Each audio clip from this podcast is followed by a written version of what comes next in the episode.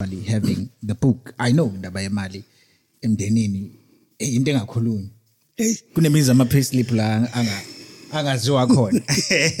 Kumele yini yaziwe i-payslip yami? Anyway. Iqiniso iqiniso hayi phakathi kumele vele i-payslip yaziwe. Vele. ngoba emshadweni imfihlo azikho emshadweni.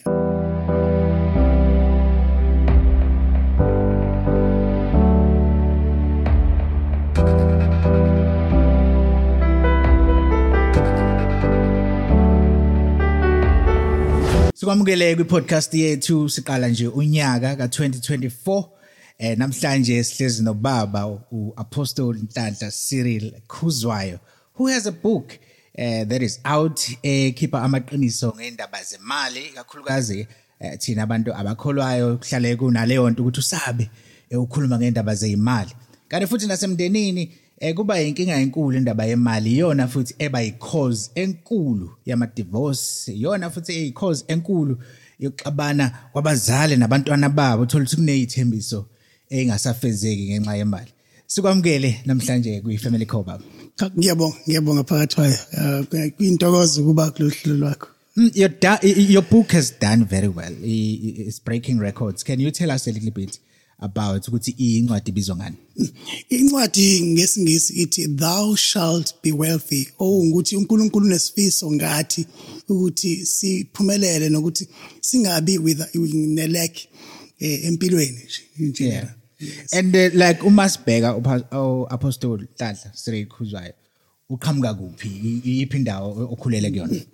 So umlando wami ngizalelwe emlazi uh, phakathi kwayo nga- nga- ngakhulela e- eNanda and then ngafunda khona until um uh, uh, ngenza mecha- mechanical engineering later on. Yeah. uh, still at Durban but ngowe- ngo- ngo- ngokwenkolo uh, ngikhulele eh eh um a faith mission uh, kubaba u- umdletshe uh, enanda na- nakwamasho but even before that bengu bengise Pentecostal Holiness Church eh kubaba ungwane way back. So my life esontweni was like four four days a week. Sesontweni so so besihamba from isonto phakathi namaviki sihambela uh, uh, inkonzo sishumayela. Ngisesemncane primary school so ngikhule kanjalo nje until ngimuvela eJohannesburg ngashada ngaba nabantwana ababili uh, 26 years emshadweni. Wow. and then I pastored the church as a senior pastor in Northwest. And then I think around about 2004 uh, the Lord then uh, through Apostle John Eckhart uh, uh, uh, spoke through him about my ministry in the apostolic. And then uh, so in a nutshell that's me. Yeah. but but one important thing also ukuthi ngekhathi zeyibhelu zodlame phakathi kwayo ngeke ngadutshulwa e- e- e- emagabheni. Oh eh and kahle kahle ngafa ngashona lelo langa lelo. So uNkulunkulu wa- wangenzela umusa ah, ngabuya. Ah, ungibuseni kwakhe ukuthi ke ngihamba indlela yakhe angikhethele yona. Mm. siyambonga nga- ngalokho ukuthi a- asibuyisele eh, wena. Uh, because there are so many things uh, that you are touching on uh, the- e- ey'bhekene nomphakathi nezizingqinamba and indlela ne-approach oza ngayo awubuki nje inkinga kuphela. You also come up with advice and solutions kulawo ma-problems lawo. A- a- as a person osebe semshadweni iminyaka engu-26 eh, okokuqala sifisa ukuthi sikhalalisele mhlawumbe ngabe yini mhlawumbe imfihlo eh yempumelelo emshadweni? Yo, hey. uh, let, let me, number one, let me say ukusaba uNkulunkulu. Um, because first and foremost, ngumntwana kaNkulunkulu. And so my relationship nonkosikazi wami is based on God loving me and me loving God and me loving the gift uNkulunkulu angiphe wona. My wife is a gift that God gave me. So how I take care of the gift is how I succeed. So that's one. But then there are many other things. Um, ngoba vele abantu ababili aba- basuke endaweni e- e- ez- Ezingafani. ezingafani sithe masihlangana the very first day ukuthi hawu kanti njena hawu kanti njena hawu kanti njena avela ama-characters and then um but then we we sat down sati number one obviously we can't divorce. God hates divorce. So we agreed let us make it work. So let agreement let's make it work. Let's find out yini lena phakathi kwethu sobabili esingayithanda? Siphile sobabili as if sijabule sobabili kube yithina sobabili bese kuba yizwe ngaphandle. So ke leyo nto yasisiza ke kutheni ke uh, um, and in that first year uh, um unkosikazi bekabeka ukuthi uh, angikuthandi lokhu nalokhu nalokhu nalokhu. Okay nami ngithi ke angikuthandi lokhu nalokhu nalokhu. Sihleli kahle nje kungaqatshelwa and then after about 6 months 8 months si, evaluate futhi hawu lezi zinto kade uzishilo. Sengihamba kanjani manje? Athi hayi ngcono lapha nalapha kodwa lapha hayi kusenzima. Senga improve. ehe nami ngiphinde ngizame naphinda sizame so into enjengalezo nje ukuthi um i think one thing i can say is find somebody who is teachable and willing to change. Uh, that, Wow. that one is very important You touching on something here about ukuthi khona isikhathi la nihlala khona and evaluate yourselves as uh, abantu abathandanayo as abantu abamakhanda omndeni. It's one of the things eh, sithe sazi adopter nathi mhlambe a few weeks ago ukuthi hayi man uh, let's treat this thing you know, like as a business if you're running a business there you sit down sometimes and evaluate ukuthi abantu eh benza kanjani? How can they also improve? Why are we not doing that with our relationships? Eh uthola ukuthi wena awusa improve ingenxa uthola ukuthi wena awusa improve ingenxa ukuthi awazi ukuthi wenza kanjani u- nombani wenza umathanda. Yes yes. So now the the the, the isibindi ne courage to talk about indaba yemali siqhamuka up and uh, eventually having the book. I know indaba yemali emndenini eh, into engakhulunywa. Hey. Kunemizi ama payslip la anga angaziwa khona. Kumele yini yaziwe i-payslip yami? Anyway. iqiniso hayi phakathi kumele vele i-payslip yaziwe. ngoba emshadweni imfihla zikho emshadweni. Um ucingo lwami nje ipassword inkosikazi yayazi iyalithatha alisebenzise noma nanini so i-payslip ngoba indaba zemali zi- zihlanganisa ukuthi sihlela kanjani u- u- umndeni wethu uh, from basic needs uh, uh, to abantwana beesikoleni to i-healthcare to ama-insurances to i-planning for the future. So si- si- si- sikhulumela entweni esiyaziyo sobabili ukuthi umama uthola into engakanani ubaba uthola into engakanani. So sonke sisebenzela vele khona ekhaya. Even noncedo esilwenza esihlotsheni uh, into esixoxayo futhi hayi nankinga siyikhulume sivumelane ngayo. So so isibindi phakathi kwayo sivele kutheni mangibuka njena njengoba impilo yami yonke vele ngikhulele enkonzweni mangibuka abantu baNkulunkulu Christians they appear to, to, to be poor. Kugcwele ileki kakhulu. Wh- why are uh, mhlambe ama Christians uma baba wayesithembisile ingcebo why do they seem to be struggling so much? Mm. so ke le ncwadi ivele kanjalo ngizama ukuphendula lo mbuzo ke lo ushoyo. Yeah. ivela ngoba ah nami i- i- into i- into engingayibheka nasempilweni yami ah, nangibheka nangaphandle. So ngase ngibuza lo mbuzo loyo. So so uNkulunkulu kahle kahle wangingabela ukuthi ngenze any other thing amabhizinisi umsebenzi wathi ngihlale ngenze le ncwadi le. So bengivuka ekuseni ngo7 ngiye officeini uh, until midnight. Ngithandaza ngi- ngifasta ngibhala lencwadi for the whole year. So from genesis to revelations ngifuna ukwazi ukuthi inkosi ziphi izimpendulo? Izimpendulo zonke uNkulunkulu wangi- wangi- wa- wa- wangilethela zona ngazifaka kule ncwadi. So Wow. so the two main reasons eng- engingakusummarize one is lack of knowledge. Lack of knowledge about uh, about our own abilities ukuthi singabi nelek sibe nemali. Lack of knowledge about um, about how to acquire uh, a financial freedom. And uNkulunkulu uthi lapha encwadini yakhe um um um uh, it's, it's Hosea 2 uh, 6 uthi because you lack knowledge you you you you you you are destroyed.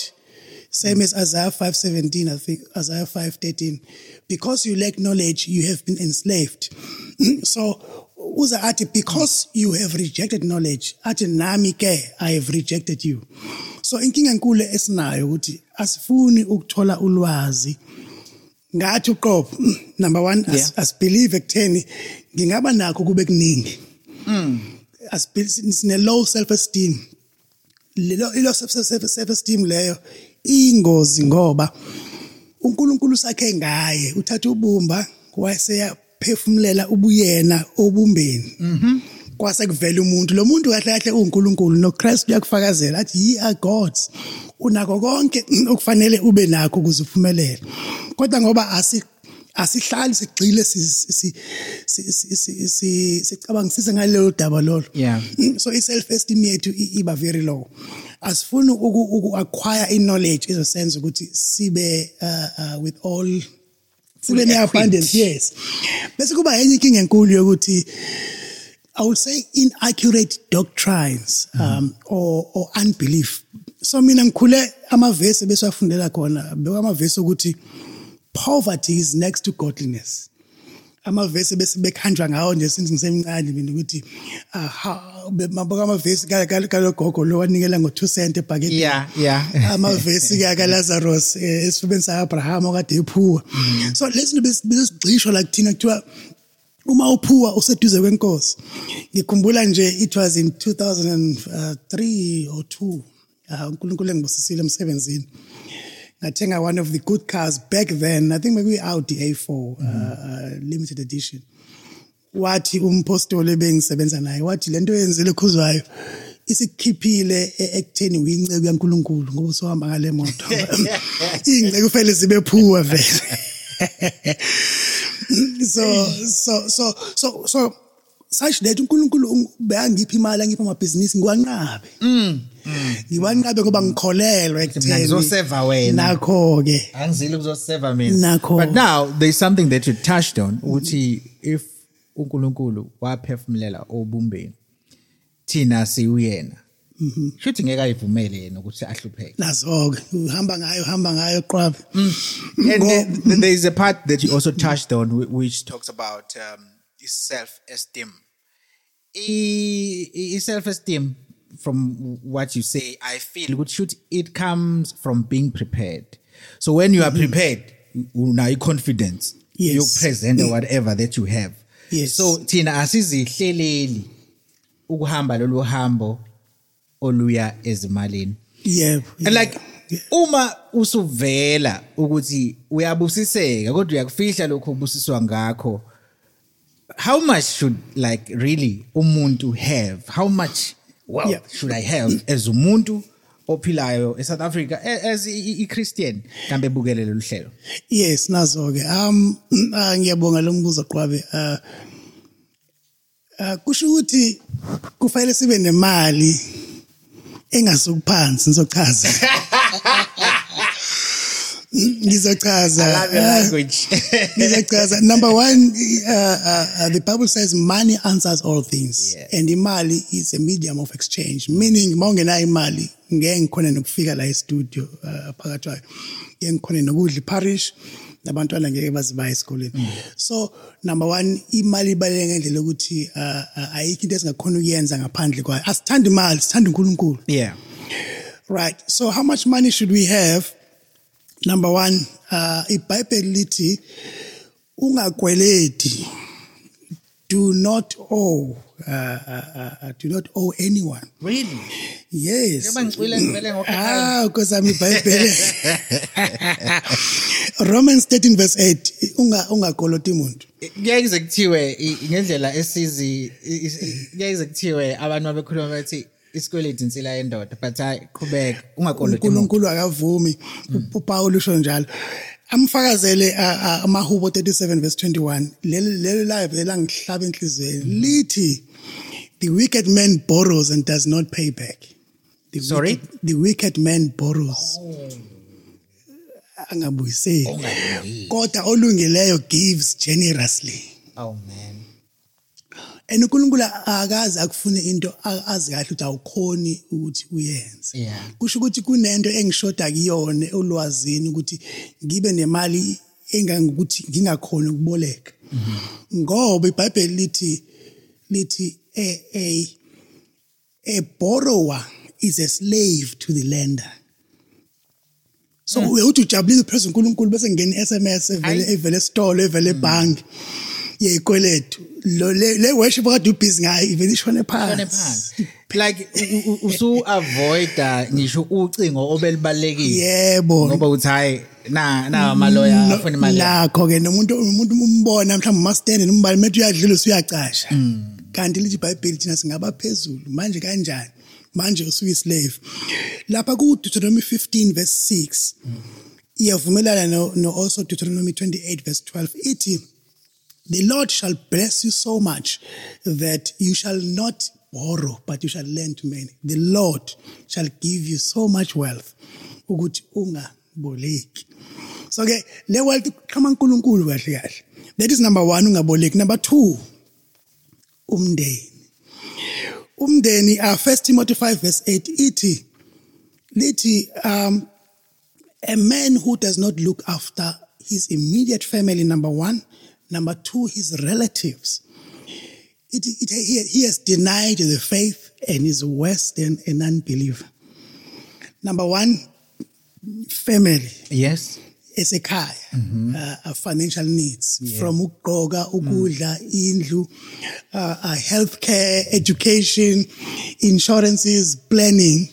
Number 2 relatives. So how much how many relatives do you have? uNkulunkulu uthi ungaba ungaba ungaba ungaba ungaba don't turn them away eh mabefika kubezonqonqoza baphe. Should fanele ube nemali eningi? Number 1 yomndeni wakho. Number 2 yokuthi umuntu angafiki eze kuwe ahambe engaphethanga lutho uma esesidingweni. nazo ke ihlobo zakho. Ihlobo zakhe so ke ngizokubuza mzobuza lapha phakathi ukuthi nehlobo engaki. Ukuthi masifika isihlobo sakho umzala ovela ovela ku- ku- ku- ku- kubabekazi. Eh noma usula ulapha egcineni kude. Efike zonqonqoza la komnguni. No no not ukuthi mhlambe ngiyaba invite ukuthi abeze but that's the kind of attitude I've had all my life. You know like if we're to be honest even when you evaluate yourself eh, ubheka la usuka khona kunezikhathi mhlambe la where you feel ukuthi yo izinto zazihamba kahle. You know Yes, zazihamba kamnandi. yes. And one of the best joys came from being able to share what you have nabantu abaseduzane now. Yes. Extended family. uh, my dad, um, ubaba waye nesithembu ku- kunkosikazi wakhe wesini. And uh, indoda esuthayo umndeni umndeni wakhe umndeni wami and m- uma khona ngiyoba ubuza ukuthi zingaki ehlobo ziningi eningi uyazama ukuthi usize la usiza khona. Ihlobo ziqhamuka ekhaya koma thina ke njengabantu abamnyama ihlobo zethu nje is endless yes ngifuna ukusho njalo phakathi kwayo ukuthi ke uma sibuzana ukuthi mayini face sibe nayo must have enough ukuthi makufika umndeni ngingamtheni away bese ukuthi Proverbs 19 verse 14 lithi izindlu zabantwana bami zovela kumina. I must build houses for my kids. Mina bese ngithi nje hawo njengamanje iminyaka yami singaka sengiplana ukuthi hayi ngiye ngiretire abantwana bafundisile emavasithi bese ngithatha isalukwazi sami inkosi ah ngathi salukwazi Sem- semncane ngithatha inkosikazi hayi story around the country. Until you funda leli verse ethi no but houses of the kids must come from you. So i-generational wealth nanso is created by you all. right now by reading ama scriptures are right and Yes. uh, putting it into practice Yes. Proverbs 13 22. It, inheritance for grandchildren must come from me. iBhayibheli siyakweleta-ke, Akusho mina. Angithi ngithema ngizifunda lezi zinto uNkulunkulu engivezela ngathi he madoda angakaqala. angakenzi lutho Nanso. Ile futhi yenza ukuthi ngibuze ukuthi ke ngizowuthola kanjani lo mc- lo mcebo lo. And and so uma ngibuza ukuthi how much money should I have? I kahle kahle kuningi kuningi incwadi ngibhala think seven uh, seven things. Enye ithi njengoba kade ubekile uh, uh, sikhulu sami fanele sisize abantu abantulayo uNkulunkulu uthi lapho kuIsaiah 53:17 bakhala ama-Israelites athi but Jehovah why ungasinaki sifastile athi Jehovah the fast that I want is that you feed the poor, that you clothe the naked, that you shelter the, the homeless. Yiyo into engiyifunayo. Athi uJesu Matthew 25 31 to 46 uthi this is the this this this manje summarizer lento ngiyothi mangibuya ngifuna abantu ebeza in the kingdom ngiyo ngiyobahlela kanje athi ngiyobuza ukuthi ngesikhathi ngilambile wangondla na ngesikhathi ngomile wanginikeza amanzi okuphuza. Ngesikhathi ngigula wangivakashela yini? Ngesikhathi ngi ngiyi stranger did you did you welcome me in your house? Wow. Wathi wathi bantu bayobuza bathi sikubone nini? Wathi enikwenze kulaba. Kufanele ukuthi nikwenze kumina. Labo abangazange bakwenze lokho ngiyobalahlela ngaphandle. Yo um but now omunye uzobuza umbuzo ukuthi ngipha kanjani ngingenalutho? Ehe nakho angithi ke bese sibuyele emuva ke Yeah. angithi ke manje si- si- si- si- sifuna ukufika emqondweni ukuthi fanele sibe namandla amaningi ukuze sikhona sisuka kulomqondo lo ukuthi akufanele vele mina ngibe nalutho. So ke masufika kulo mbuzo lo usukahle impela. Ngoba ke ma- make waqala wabuza then izimpendulo ziyaqala ziyaqhamuka. Ibhayibheli lithi bakhumbula kahle uDaniel wake wabuza wathi wathi inkosi usuphelile u70 years abantwana baIsrael be be be be enslaved eBabylon mayiqhamuka impendulo ithi eh, uGabriel uthi from the day you asked this question and answer was I was sent to come and answer you. Iqala lapha indaba ukuthi ubuze umbuzo. all right then uNkulunkulu yabantu ah Bese kwambulela. usezingeni yes. Lokuthi ke ube nakho lo kufunayo but ke kule nanso into into aphakathi sorry. Ah ngithe ngisafuna futhi ulwazi lokuthi manje mawukuthi fanele ngibe nakho uphatha indaba e- ebaleke kakhulu ukuthi ah uma sikuye uNkulunkulu uNkulunkulu ngiyavumela ubuyena ukuthi ukuthi ukuthi ah, ubusoko Weframe, mm. yebo yebo so ngithe mangibheka ukuthi but uNkulunkulu how does you how do, how do you see u- umnotho and the wealth? uNkulunkulu wangikhombisa izinto ezintathu what number 1 uh, um I own everything. I created the earth and the heavens. Haggai 2:8 silver is mine and gold is mine.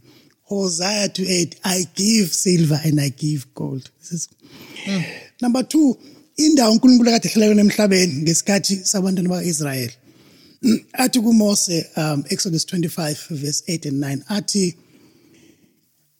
athi build me a tabernacle Yeah. so that ngizohlala nabo ngihlale nani. Number 2 ngicela ukuthi uyenze le tabernacle exactly as i show you. So at the end who said it uh, exodus 25 verse uh, um, i think 22 uthi uthi I will meet with you. Bekune bekune bekune holy place and the most holy place. I will meet with you or the high priest in the most holy place behind uh, uh, uh, the mercy seat from, from above the mercy seat. Mercy seat was, was all gold pure gold. Between the two cherubim pure gold. I-mercy seat is ihleli phezu kwe-ark of the covenant. Yeah. that is gold. Nawe aaron mawuza kumina nazi izivatho zakho. Yeah. izivatho zakhe they were all gold from from the top isigqoko esigqokile. Aaron besine golden plate ebibhalwe ukuthi holy to the lord. Ingubo zakhe zonke the ephod the, the, the blue robe of the ephod uh, uh, bekunama golden filigrees kunama golden chains. Uzofike phansi lapha em- emphethweni wengubo eh, bekunama golden uh, bells and pomegranates. So this holy priest most holy priest was all golden. Lezi vatho zakhe uNkulunkulu uzidesignile wasenika abantu ukuthi bazakhe. So emhlabeni it was all golden. Itemple lika Solomon nalo phansi it was golden ama walls were golden i-ceiling i-golden everything was gold. So i- i- attitude ka- kaNkulunkulu towards ama mineral resources yes. and gold i opposite of what we grew up and made to believe.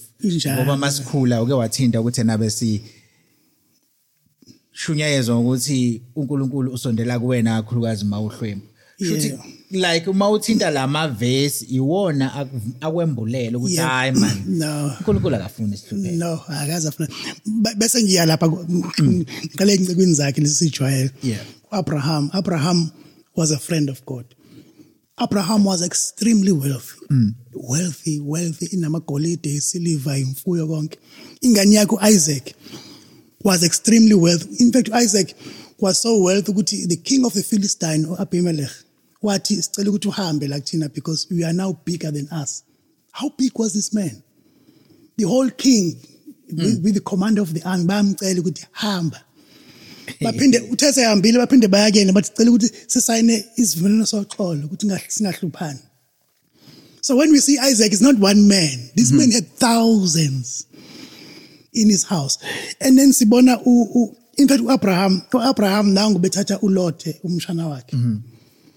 Wathi wathatha amadoda awu 318 e- endlini yakhe aqeqeshiwe kwezempi.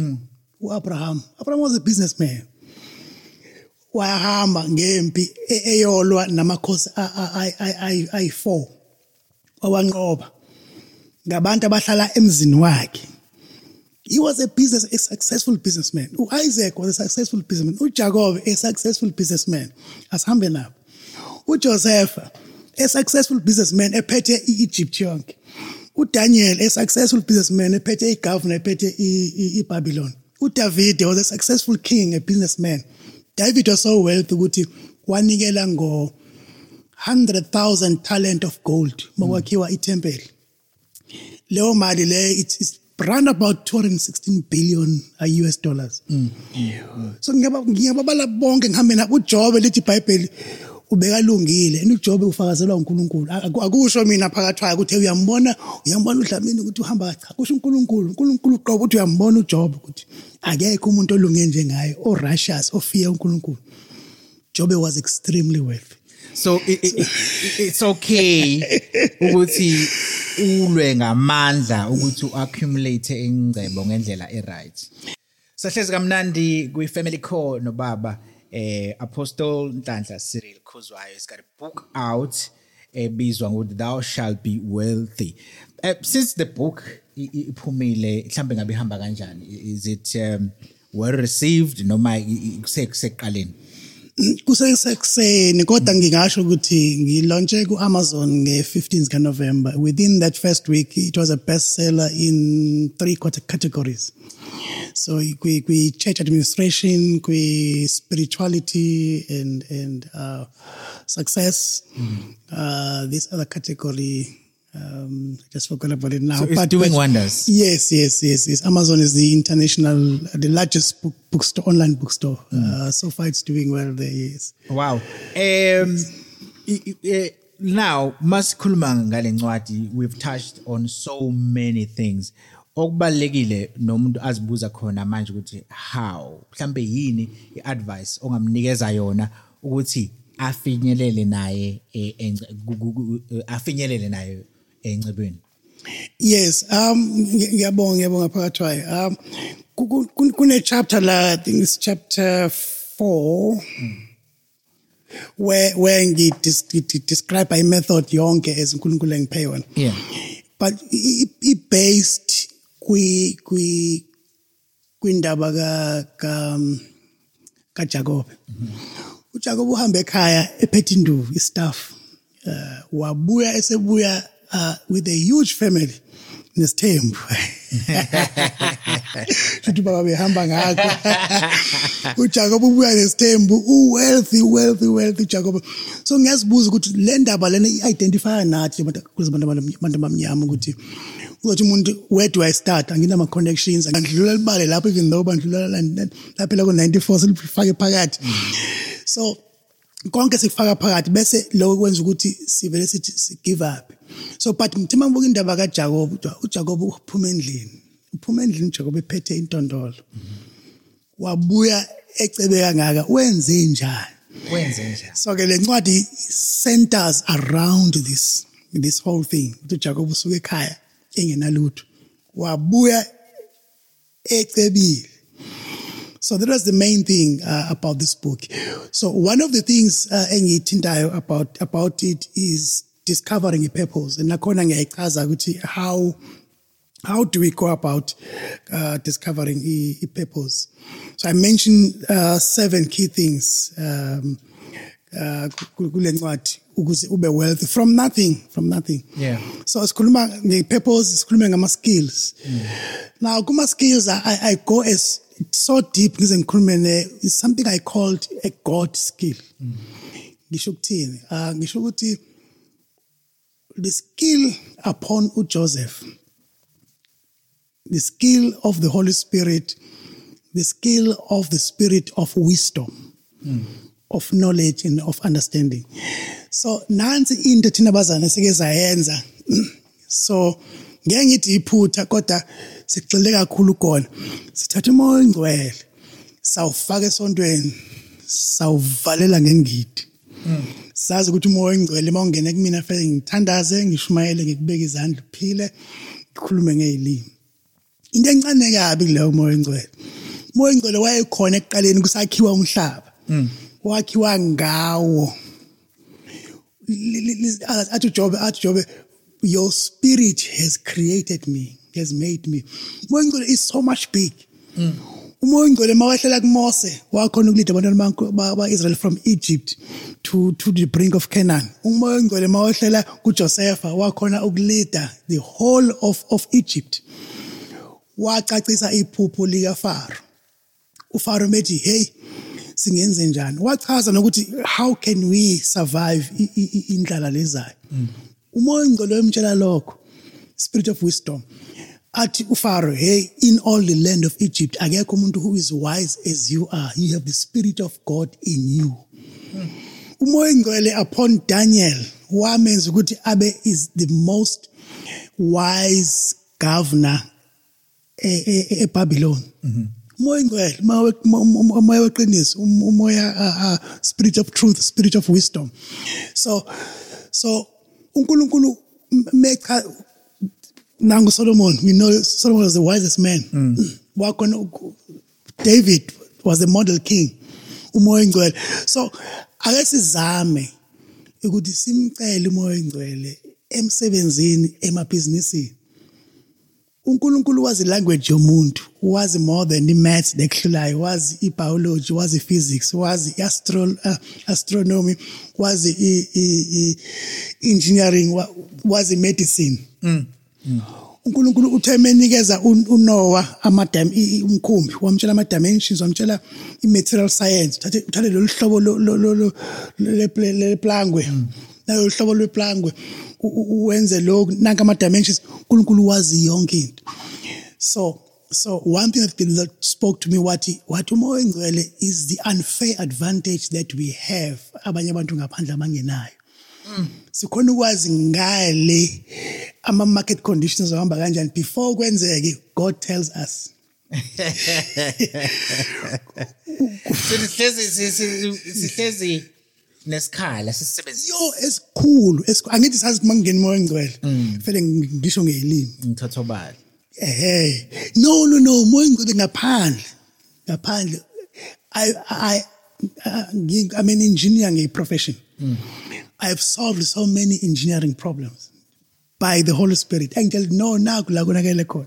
I will go there and exactly. Wow. So so on on your journey as you go ungawukhohle umoya ongcwele yes You touched Yes. on uh, two things. Oqala ukuthi you need to discover your purpose. Yes. And then also you it's the skills ama skills. yes So as much as you discover i-purpose yakho, but also upskill yourself. Yes, yes. Number three, you need to move away from comfort zones. UJakobe wahamba e- endlini kababa. Ngiye ngithi mina ke ngukhuzwa ngiye ngithi indoda esalusa amathole kababa ayikuvunyele ukuthi ngayogana. Usho mina ngukhuzwayo. Ngoba use- Ngiyakuzwa. Useyingane lo. muntu. nanso-ke nanso-ke phakathi kwayo nanso-ke phuma endlini kababa noma ke ungasaphumanga endlini kababa kodwa exactly kunama kunezinto esizenzayo ezizenza ukuthi ezidla isikhathi isikhathi yazi isikhathi kahle kahle sonke sinaso esilingene futhi siningi kodwa sifilishwa izinto ezi-useless izinto ezisibambayo zisiholder back. Yeah. mawungabheka kuningi some people spend time on on even worse on twitter. Worse oh black twitter. I-useless rubbish things ezikhulunywa laphayana when you can somebody can take a phone une-smartphone une-internet they make money. Uyathengisa lapho utheng- ut- uthengisa i- even into engeyona yakhe. Uyamaketha uthengisa lokhu wenza lokhu wenza lokhu. Umhlaba is good i think i think over f- close to 4 billion who are on the internet. Abakaze babonana kodwa baya-exchange yes yes ngale phone le- komunye. Yes but but mina ngine phone same phone same internet ngi- ngi- ngi- ngi- ngi- ngibhizi isikhathi sami ngezinto abantu. nanso-ke indaba. So let's move away from comfort zone izinto ez- ez- ezingas- ezinga- ezingasakhi thina. Mhlambe like uh, moving away from a comfort zone let's take for um, like a, a family structure I, I think this is very important to, we, we talk about it with how we utilize our time. Um, if there's no planning then awayikho into that you answer to Yes. ukuthi hey na into ebengade ngifuna ukuyi-achieve. Yes so yes yes. ukuplan impilo yakho takes you out of the comfort zone. If you are being honest with yourself you will know ukuthi ya khona lokhu ngihlezi kusofa ngibuka i-tv nanso-ke baba Be- bengibuka i-podcast. kodwa iyakha lena yakha le imali ibalulekile kodwa bangibuka ama-soaps kuphela ilanga hayi no, asekho ngeke right no uthatha into ebalulekile lapho i-planning ngibuyisele emuva kule yokuqala ngithe i-purpose yes yes yes yes yes uh, because then what I do, I'm moving towards my purpose, fulfilling my God ordained purpose. So, yes, a young kid is driven by that. And the planning. Planning is so important. People who don't plan, they work for people who plan. It's as simple as that. yeah hey So, and, and in manga plan, young indlela yisa khona. Yisapi. yo yo no no ngiyakuzwa so, so enye elandelayo um a very strong one is a strong relationship with, with, with the lord now ujakob uthe mesuka ekhaya ubekaziwa ngokuthi naye bezazi ngo- be- bekazi unkulunkulu ngokuthi unkulunkulu kababa unkulunkulu kaJac- uNkulunkulu ka-abraham unkulunkulu kajakob but uthe sehlangane nonkulunkulu eh eh eh, uNkulunkulu naye mes- me- meyaqala ukuzazisa uthi yena ngiuNkulunkulu kaAbraham kaIsaka. But uma sebe se- se- uNkulunkulu e- e- ese ese e- e- esekhuluma naye u- u- uJakob uh uh usemazi njengonkulunkulu wakhe. Right. and then uJakob uthemelala ubona ubona ubona izulu livuleka ubona ama steppies esuke emhlabeni eyaphezulu ezulwini. Yeah. Esethi wow this is the portal of god. This is an area where god lives where, where i can approach god. Use useqala ukuba ne relationship yakhe noNkulunkulu. So such that uNkulunkulu mase buya or yes esekhuluma naye again. Usewunkulunkulu wakhe. Naye uJacob me address uNkulunkulu. He he is now my god. Akuseyena uNkulunkulu kaBaba noNkulunkulu kaMkhulu. Yeah yeah. Yeah. Mm. now okay asisikhathi esiningi sokuchaza lento but injalo nje incwadi ngibeke yonke. So it is very important ukuthi uNkulunkulu kaBaba uNkulunkulu kaMkhulu uNkulunkulu kamfundisi kampostoli kambishop kube uNkulunkulu wami. Ngiyakuzwa so angingabuki omunye umuntu kube ngazithi uyena onamandla Yes. ukwenza ushintsho nokwenza izimangaliso. Nami lo nkulunkulu womuntu osesidiscavile yena nakimkhona yebo. Nami akafuni ngihlupheke yebo baba no ngiyakuzwa ngiyakuzwa futhi unendlela yakho ukuthi ukhulume noNkulunkulu ungadinganga omunye umuntu. How do i talk to god? Ngikhuluma kanjani? Is an hour in the day every day like let's talk about it. Yo. Um, hey, Phakathwayo, it's it's a big subject, but it's very simple. Um, it comes from that understanding ukuthi kahle kahle uJesu uzuyasho uthi uJesu uthi uJesu the kingdom of God does not come by observation it is already in you. That's why ujesu athi ngiyangqongqoza uma ngasongivela inhliziyo yakho. Mina nobaba siyawungena sihlale and dine with you. So ujesu methandaza uze uze athi i'm now going deeper. Uze athi father i pray that these ones that you have given me this is jesus' prayer. Isekugcineni athi may they be where i am. Even though jesus was still here in the earth but he was somewhere else. Yeah, yeah, yeah. yeah may yeah. they be where I am. Don't take them out of the world, of the earth, but let them be where I am. So, number one, from prayer, which we must do frequently. I mean, do Daniel, for example, prayed three times a day.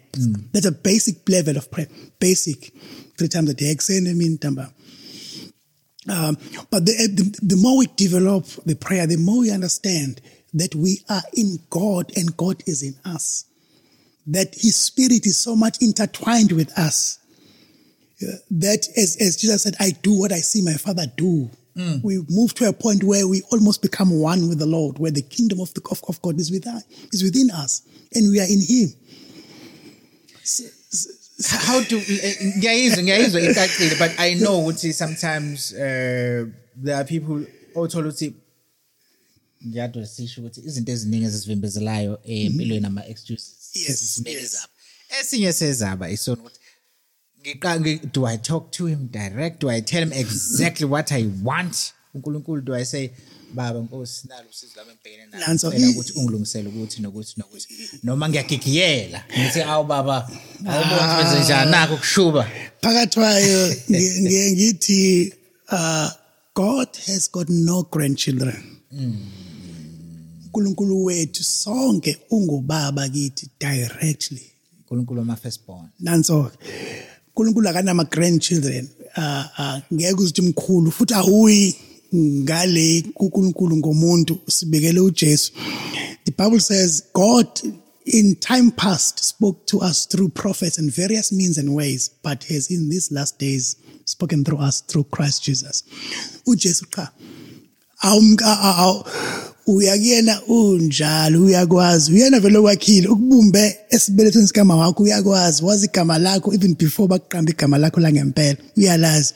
Before uphuma la esibelethweni sikamama wazi ngisho insuku zakho ukuthi uyophila insuku ezingaka iminyaka emingaka ungakaphuma esibelethweni Uyazi- wazi everything about you. Mawuqala uthi baba yimina lo. Nanto udaba lami ngisize. Ulibeke nje qala la yebo. Qala la khuluma naye. kuNkulunkulu futhi hayi ukuthi um ungafihli lutho kukhona le mhlambe ma- masithandaza sibaningi nje simemeza senzani senzani senzani. No no no. Sometimes siziqhudelane cha. Iba real kuNkulunkulu. In fact wazi konke. Ithi iBhayibheli wazi nemicabango yakho ungakaphimiseli nokuphimisela useyazi.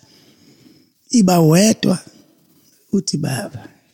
You know uh, like it, I, I think it's very important and uh, like njengomuntu nami osebenza nabantu I, I think I am very blessed in terms of I know exactly what I love doing. I know my purpose. Uh, like Yes. I discovered what I love from a very young age. Uh, I went through ukuphikiswa ukuthi possible lento ngikhulele emafamu ekhaya indlovu emobeni sisebenza emasimini. From ngineminyaka nje u6 ngithi mina ngifuna ukuba umsakazi. And kokwako ba wow uzukhonjwe vele. Ukuthi umsakazi uyawusakazela you know?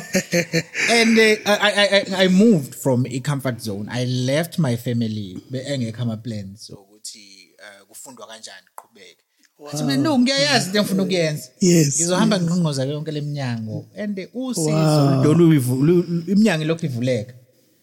Ungene ngonyawo lodwa kuthiwa hayi wena uzoklina la ekhaya. Ekuyona i-radio station ufike uclean ebusuku uma kuvaliwe ngipractice wow. Kwelinye ilanga eh one of the guys was supposed to come and do ishow kwathiwa kafiki kwathiwa nangu nje umzo uhlale khona bafethu. Like amathuba i Wow, guess wow. as a testimony ukuthi ayavela Yes. step out of the comfort zone yebo baba um of course yebo eh, baba eh, yes this podcast is about that that i also share my real life with uh, abantu like even in nasemshadweni we talk about ubunzima ohlangabezana nabo. Nanokuthi akumele vele phela umshado ubenzima so we Yes. to change the stereotype ukuthi Yes. eh, hey abantu hey le nto inzima. No no no no. Into enzima ileyo yokuthi have you found yourself and nomuntu lo ohlangana naye uyazazi. Manje izazi nomabili then it's easier a journey forward. Yes yes. And uh, from what you touched on uh, what i'm taking from this is that uh, uNkulunkulu akekho kude kunathi ungaphakathi kithi. Nazo. So yes. ku- kukhona lo moya esihamba nawo. Nako uthe mefika uPaula efika eh I think it was in Greece. Ufica kune sign ebhalwe to an unknown god. Athi athi ake ngicaciseleni uh God is not far. He is very near. In fact ma- ma- ma- ma- ma- maqala i New Testament iqala ngo ngo ngo ngo John John the very first message John ayishmayela wathi repent because the kingdom of God is at hand at hand has come. Umesi kaJesu yokuqala yathi repent umbuso kaNkulunkulu usufikile. It is here. Ukuthi mhlamba siyiboni akusho ukuthi ayikho. Thina asibuyele kuNkulunkulu. Then vuleka amehlo. Shuthi ukholo lethu ukukholelwa ukuthi things can change. Yes. kusihlenga yebo baba yebo baba. And and and i like le le story sakho osikhulumile um um about pushing kumnyama iminyango ivuliwe but you knew deep down ngifuna ukwenza lokho and and wapusha yeah singakhuluma kuze mhlambe kusekuseni where where where where when your passion is talking. Eh ukuthi iprovision iyafika yebo baba like we were having a podcast here lesinayo the month esayiqala ngayo imali ayingekho wow. Like we were sourcing out wanted to source out ama services ukuthi okay can we get people to shoot? Amafika ama quotes angaka. And i was like yazi thini asithathe sekukhuluma abasikisi omndeni asithathe imali yebond yalesi month invest it into the equipment i know for a fact ukuthi awukwazi ukungihlupha kangaka lo mcabango oqala nalento uma Yes. singeza ukuletha ushintsho yes ku- kubantu empilweni yami yes. nasempilweni yabanye abantu Yes. so um unyaka omusha ka2024 sizimisele ukuthi siphumelele on on different levels what can be your message in eh mhlambe in closing kunyaka ka2024 ukuthi sizimisele kangakanani ngempela ukuthi siye siyithole lento e- esidalelwe yona siyithole lencebo ayikhethile bala. Yebo yebo phakathi kwayo ayikhethile ibala um asishintshe umqondo. uNkulunkulu aka before enza umuntu wenza umhlaba nokugcola kwawo wayesenza nensimu yase-Eden ebi full of abundance. Wayesebeka umuntu emnothweni benge bengenayo Beku- that is how God works. Akafuni akaze afune ukuthi siphile sisokola. Mm. so umuntu wasuka kuNkulunkulu wayesephila impilo yokuhlupheka. So asibuyeleni kuNkulunkulu kuyena owenza yonke into. Noyosinika naloko esikufunayo uJesu mehle emhlabeni. Njengoba ayelele emkhonjeni i- hayi ngoba babehlupheka ubaba wakhe bekade kuyi-business a known businessman uJoseph. Yeah. It is because the hotel was full bekune census bigcwele ihotela so bangakhona bangene that's why then they slept ngaphandle. But number 2 kwafika izazi zase zase from the east. Beyiphethene igolide. uJesu akafika yanga enhluphekeni so ngi- ngalokho ngifuna ukuthi uNkulunkulu akaze afune ukuthi um- singabantu bakhe sihlupheke. So so asifuna ulwazi lokuthi asiye lapha kwi-purpose. Sihambe ngayo sifune ulwazi lokuthi singenza kanjani ukuthi ah, ah, siphumelele sibe nemali eningi yomndeni nezihlobo ne- ne- ne- ne- nokusiza abantu abahluphekayo.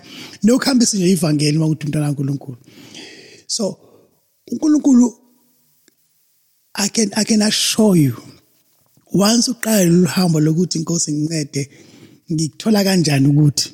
Uzabona kusavuleka it, it will Kuzovuleka. open up. all right siyabonga kakhulu. Eh as siya ngasemaphethelweni em incwadi ke siyithola kanjani incwadi? Uh incwadi okay kuma socials um uh you can either type thou shalt be wealthy or the wealth for believers. One- wealth for believers. Yes one word wealth for believers. Thou shalt be wealthy and we also write on on, on screen as well. Yes. kanjani Oh, okay, th- thank you, thank you. Otherwise, need a cell phone number, but but it's okay. So, kuma South Africans, I still have the the stock. So, ngithumela through ePax. It normally takes seven days ukuthi ifike. Um, and then internationally, ke, uh, Amazon. okay Uh, like yeah, yeah we can we can mention inamba mayikhona eduzane ukuthi Oh yes. So, sikwazi okay. ukuthi si order ngo WhatsApp Yes, thank you. Uh, in number is zero eight two three one triple eight nine seven. thank you so much baba ukuthi ngibe nawe No, phakathi kwayo ngibonge mina. Ngiyabonga ukuthi mawubuya ngokuzayo sobe sesiphuvile and our studio will be bigger Oh. uh, i'm so much motivated by this uh, like it's the boost that i needed mhlambe as much as umuntu can appear to be confident kodwa khona le khathi ufeel ngathi Yes. uthobele ngathi izinto azikhambeke kahle but this has actually uh, reinforced ukuthi it's all within me Yes, yes, yes, yes. Phakathi ngibonge kakhulu ukungi-invite ngibe sehlelweni ngiyabonga futhi ke ngiyakholwa futhi ukuthi mase ngibuya hawo le studio lesi sizobe sisikhulu kabi. siyabona